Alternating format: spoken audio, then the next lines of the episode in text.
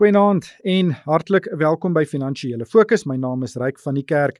My gaste vanaand is Dawie Klopper, hy's 'n beleggingskenner en 'n portefeuljebestuurder by PSG in Pretoria. Goeienaand Dawie. Goeienaand Ryk. En uh, ook uh, uit Johannesburg gesels Johan Gous, hy's hoof van adviesdienste by Sasfin Wealth. Goeienaand Johan. Goeienaand Ryk, goeienaand Dawie. Wel dit was weer 'n baie baie interessante nuusweek in die sakewêreld. Die Duitse owerhede wil Marcus Jooste en drie ander individue vervolg en dit hou verband met die rekeningkundige ongeruimthede wat by Steinhoff plaasgevind het. Dit was 'n baie interessante ontwikkeling. En dan het die tesourier ook sy nuwe konsep wysigings aan regulasie 28 bekend gemaak. En hoewel daar baie kommer was dat hierdie uh, verandering sou voorstel dat aftreefondse gedwing sou word om in infrastruktuurprojekte te belê, het dit nie gebeur nie. En uh hierdie voorstel is eintlik baie baie positief in die mark ontvang. Maar Dawie, kom ons begin by Marcus Jooste. Dis nou die eerste regte strafregtelike stappe wat teen hom geneem word. Hoe het jy dit gesien? Ja, mense het gesê amper in 'n sekere sin dis hoogtyd dat dit nou wel gebeur. Ek dink ons het deeltyd verwag dat dit gaan die Europese owerhede wees wat eerste dalk gereed is om iets so iets te doen. En nou gebeur dit. So miskien kan dit 'n bietjie sekerheid bring rondom rondom die saak, rondom wat daar gebeur het. En dis dalk dan 'n goeie ding. Dit is waarskynlik ook die begin van 'n saak en die begin van 'n lang uitgerekte saak. En dan wonder mense net tot watter mate gaan hulle daarin slaag om vir Marcus in die hof te kry in daardie kant. Maar Johan, wat nogal vir my uitgestaan het, is dat dis baie spesifieke klagte wat hulle wil hê. Dit het gaan oor die waardasie van bates en dis nie 'n baie baie groot lyk like my ondersoek wat hulle gaan doen nie. En hopelik sal dit die hele ondersoek tydperk en die vervolgingsproses uh, korter maak as wat mense sou verwag. Ja, reg, mense sal altyd hoop dat hierdie prosesse kort is, maar gewoonlik werk dit ongelukkig nie so uit nie. Ja, dit is spesifiek oor die balansstaat bedrog wat in 2015 gepleeg is en dit is nou Marcus Jooste en Dirk Schreiber wat nou die vorige hoof van besigheid in Europa is wat nou twee van die drie aangeklaagdes is. Maar interessant tog reik die maksimum straf wat opgelê kan word vir hierdie klagtes is eintlik maar 3 jaar. Nou maar dit is soos jy sê, ek weet uh, vroeër gesê het as hulle skuldig bevind word sodat nou die eerste partye wees wat vir die Steinhoff skandaal basies sal boet maar ook dan aan die ander kant reik in die tussentyd spook die valke natuurlik nog aan hierdie kant met die ondersoek en dan is sien ek ook as die nasionale vervolgingsgesag nou 'n bietjie in die spervuur oor die feit dat hulle so 30 miljoen rand van staan of aanvaar het om hierdie ondersoek te befonds. Maar Dawie daar was ook op sosiale media verskeie mense wat gesê het die die valke moet nou beweeg. En hulle het gesê maar kies een of twee uh, klagte en ondersoek. Hulle nou behoorlik. En die ene wat genoem word is die klag van binnehandel wat uh, hangende is teen Marcus Jooste. Uit sekere mense laat weet voor net voor die maatskappy ineengestort het om hulle aandele te verkoop. Is dit nie maar miskien die manier om dit te doen nie, amper die elke pound tipe van benadering gaan kies een of twee klagte wat jy behoorlik kan on ondersoek en en fokus net daarop eerder as wat jy nou wag vir honderde en honderde klagte om uh, op die boeke te kom ek sal daarmee gemaklik wees as dit kan gebeur. Dit gaan tog dan lei of geregtigheid begin geskied. En soos jy reg sê, hierdie binnehandelssaak is waarskynlik redelik maklik om te bewys en om om deurgevoer te kry. Mense wonder amper net hoekom vat dit so lank om wel rondom dit vordering te sien. Want dit is inderdaad um, dood eenvoudig. Hy het daardie um, in, instruksies of of um, geleer weet die SMS'e gestuur en gesê hoor hierso verkoop jy aandele en hoe moeilik kan dit wees om dit te bewys dat dit wel plaasgevind het. Ja, en hierdie hele storie het gebeur einde 2017. Uh so dis nou al uh op pad na 4 jaar toe en ek ek weet nie of dit uh die beleggers wat geld verloor het enigsins dien dat alles so lank uitgereik word nie. Uh hopelik is daar dan 'n spoedige uitspraak in daardie saak. Maar Johan, die ander groot aankondiging is regulasie 28. Die tesourier het sy uh voorgestelde wysigings aan regulasie 28 aangekondig.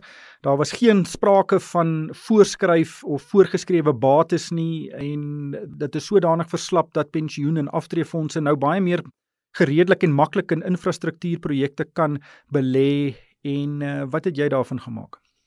Reg ja, hierdie is die eerste keer genoem in die begroting nou met op, op die 24ste Februarie en toe op Vrydag 26 Februarie is die voorgestelde wysiging toe nou gepubliseer en uh, dit is goeie nuus vir mense wat vrese gehad het oor voorgeskrewe bates en wat bekommerd was dat die regering hulle sou dwing om hulle aftreggeld te belê in byvoorbeeld instansies soos Eskom of SAL. En ehm um, weet hierdie voorgestelde wysiging vir my vorm deel van hierdie herstelproses wat ons moet deurgaan om ons ekonomie weer aan die groei te kry. En die regering het, het nie op hierdie stadium geld om te spandeer aan infrastruktuur projekte nie en dit hulle gaan op die einde van die dag moet die institusionele beleggers soos aftreefondse betrokke kry om ook in infrastruktuurprojekte te belê. Nou soos jy sê, daar is geen verpligting vir aftreefondse om in infrastruktuur te belê volgens hierdie voorstel nie. Die voorgestelde limite is dat jy tot en met 45% blootstelling aan infrastruktuurprojekte op die plaaslike bates van jou fondse kan eh, belê en dan ook 'n addisionele 10% wat jy kan belê op infrastruktuurprojekte in Afrika. En hierdie beleggings kan in die vorm gemaak word van aandele, rentedraande instrumente of uh, eiendom en 'n fonds mag net nie meer as 25% in 'n spesifieke entiteit belê as deel van sy infrastruktuurbeleggings nie. En ek dink wat ons nou gesien het hierso die industrie het tot so 31 Maart om insette te lewer op die voorstelle en beleggers en lede van aftreefondse kan verwag dat die uh, verskillende batebestuurders waar by wie hulle geld belê is namens hulle deur die assosiasie van spaar en beleggings terugvoer sal gee op hierdie voorgestelde wysiging en ek glo die batebestuurders sal soos met enige van die ander beleggings in hulle portefeuilles baie omsigtig te werk gaan om in infrastruktuur projekte te belê. Dawie, ek dra by tot 'n uh, uittreë aan die tyd. Hoe moet ek voel oor hierdie voorgestelde wysigings? Ek dink die fondsbestuurders waarna Johannou verwys sal verwag dat daardie produk of dan fonds wat beskikbaar vir hulle kom om in te belê of die geleentheid of die projek waarna hulle kan belê ordentlike opbrengste lewer en dan ook standhoudend dit kan doen en ook winsgewend dit kan doen en ook volhoubaar dit kan doen. So jy gaan nie daaraan belê as dit teen suboptimale rentekoerse opbrengs vir jou gaan betaal of as daar nie verwagting is van 'n redelike opbrengs vir die hoeveelheid risiko wat jy neem nie.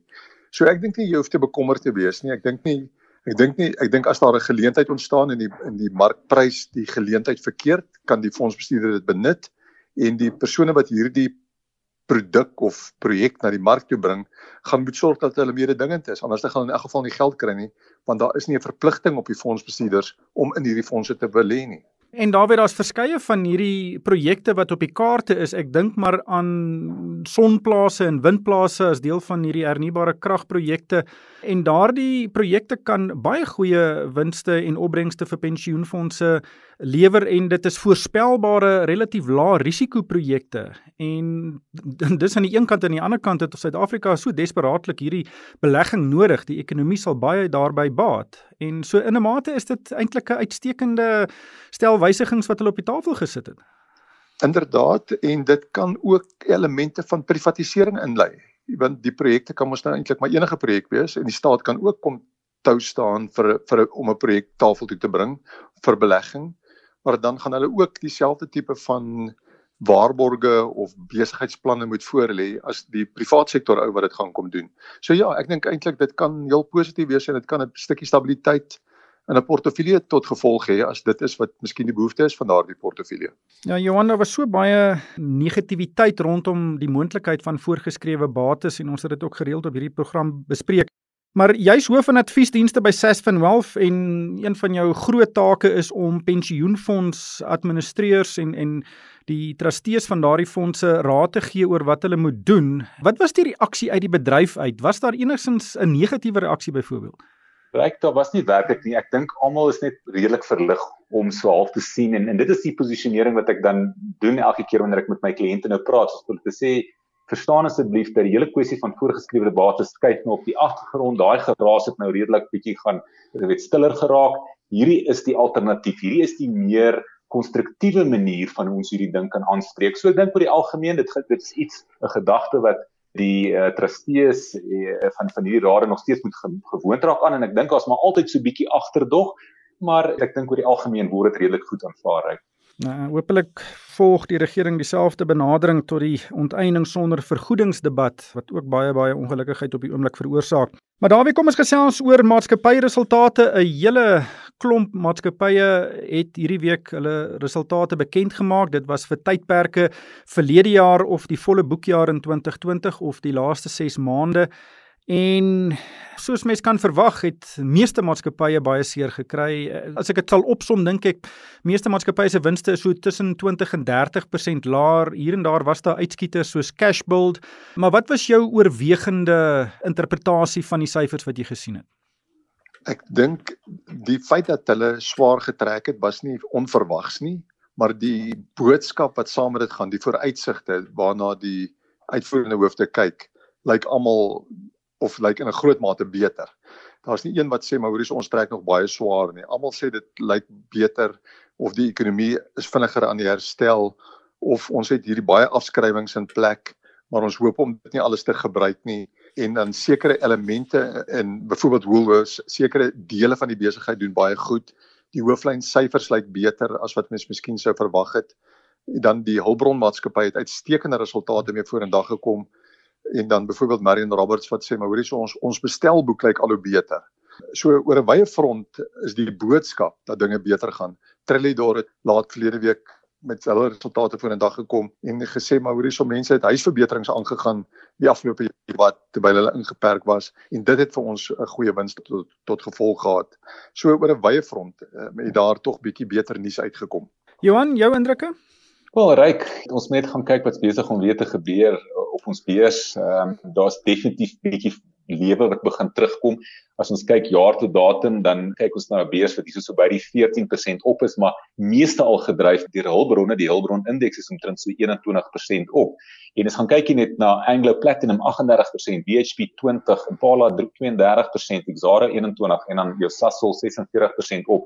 So jy weet ongelukkig dink ek is dit nog so dat dat meeste van die groei wat ons op ons beurs sien en ook oor die laaste jaar gesien het nog steeds gesetel lê in net 'n paar aandele maar aan die ander kant beteken dit dat daar's nog so soveel geleenthede vir soveel ander aandele op ons beurs spesifiek die finansiële sektor as jy net terugkyk oor 'n jaar ons beurs is omtrent 32% op van 'n jaar gelede terwyl die finansiële indeks nog steeds 4% af is. So daar moet geleenthede wees in daardie sektor byvoorbeeld.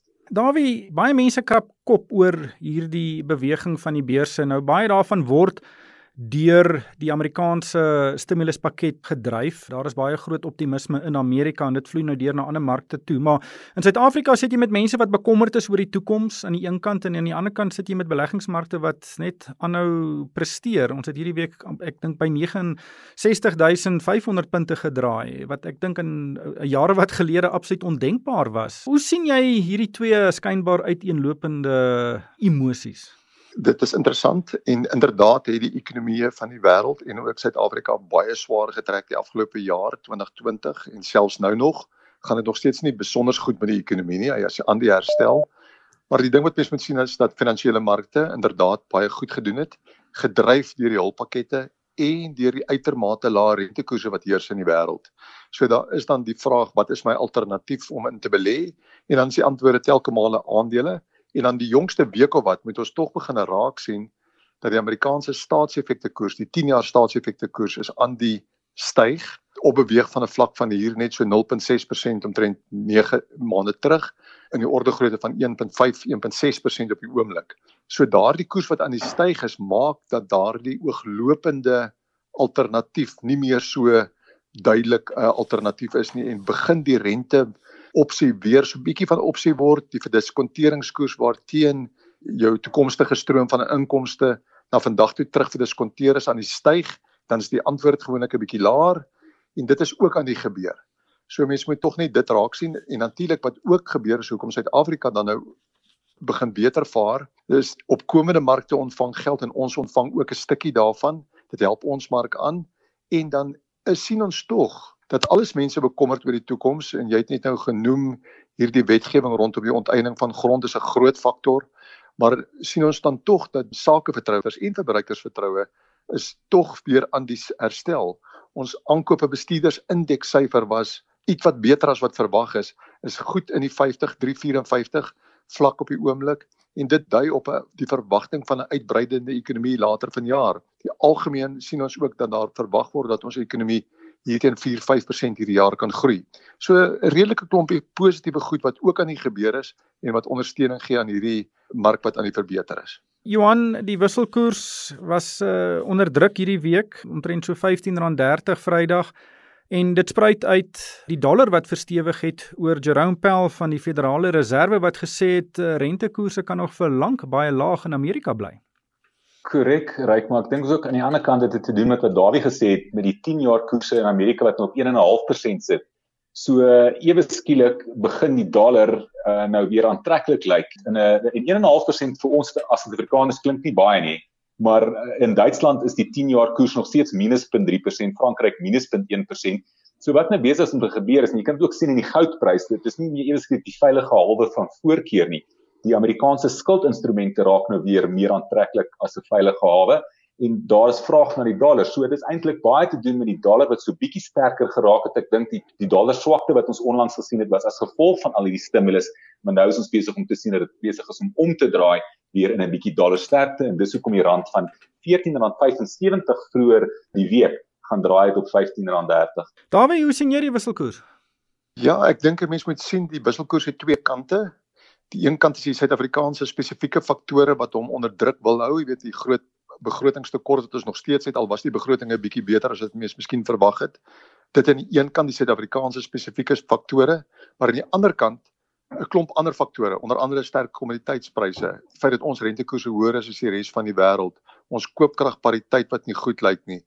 En daardie faktore en dan 'n swakker dollar in die algemeen nou miskien oor die baie kort termyn besig om 'n bietjie iets wat te verstewig. Al daardie faktore is aan die ander kant van hierdie rand dollar vergelyking of die rand wisselkoers vergelyking en hierdie ander faktore, die kommoditeitspryse, die invloed na opkomende markte toe is besig om die rand meer te ondersteun as wat die negatiewe SA spesifieke faktore tot randswakte belei. As hierdie positiewe faktore omdraai en die hulpbronpryse weer begin het sou begin terugsak, dan moet ons besef is die rand dalk heel kwesbaar.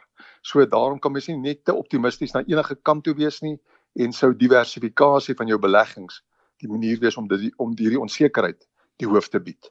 Dan Johan net laastens, uh, dis 'n storie wat vir my nogal hierdie week uitgestaan het ook uh, en dis Capitec wat 20 jaar oud is. Hulle het in 2001 begin met 55 takke en vandag is dit uh, die grootste bank in Suid-Afrika met uh, as mens kyk na die aantal kliënte en hulle het 'n markwaarde van 155 miljard rand. Dis 'n ongelooflike suksesstorie. Ryk, dit is fantasties om so 'n storie te hoor en die beste deel daarvan is dat ek gelukkig ook 'n aandeelhouer is in daai aandeel, ongelukkig nie vir die hele 20 jaar nie, maar dit is ongelooflik en dit het net vir jou duidelik gewys, daar was 'n plek buite die groot vier banke gewees vir 'n bank soos hierdie om in te kom en 'n heeltemal 'n ander behoefte in die mark aan te spreek So dit is net fantasties om te sien dat daardie geleentheid wel so goed benut was deur Capitec. Ja, ek uh ons sien nou 'n hele paar nuwe banke ook wat hulle deure geopen het die afgelope jare wat Time Bank, Davy en dan ook Discovery Bank. Uh, ek weet aan uh, Michael Jordan se Bank Zero is seker ook op die punt om bekend gestel te word. So daar's baie aksie in die eintlik in die finansiële dienste sektor en en Capitec het vir ons gewys. Jy luister, jy hoef nie 100 jaar oud te wees om regtig suksesvol te wees nie. Ja, en die, en hierdie banke maak almal van tegnologie staat om hulle nuwe model beskikbaar te stel en suksesvol uit te rol. So die ouens wat op die voorfront van die tegnologieontwikkeling is en dit kan benut, hulle het die goeie kans om sukses te behaal. Die ouens wat bietjie agterraak wat hier wat dit aanbetref, loop groot gevaar om om dan net 'n dinosourusse te word. Jy weet so die tegnologie moet benut word om om hierdie nuwe modelle suksesvol uit te rol. Wel ongelukkig het die tyd ons ingehaal. Baie dankie aan Dawie Klopper van PSG en ook Johan Gous van Sasfin Wealth en vir my ryk van die kerk. Dankie vir die saamluister en ek hoop almal het 'n winsgewende week.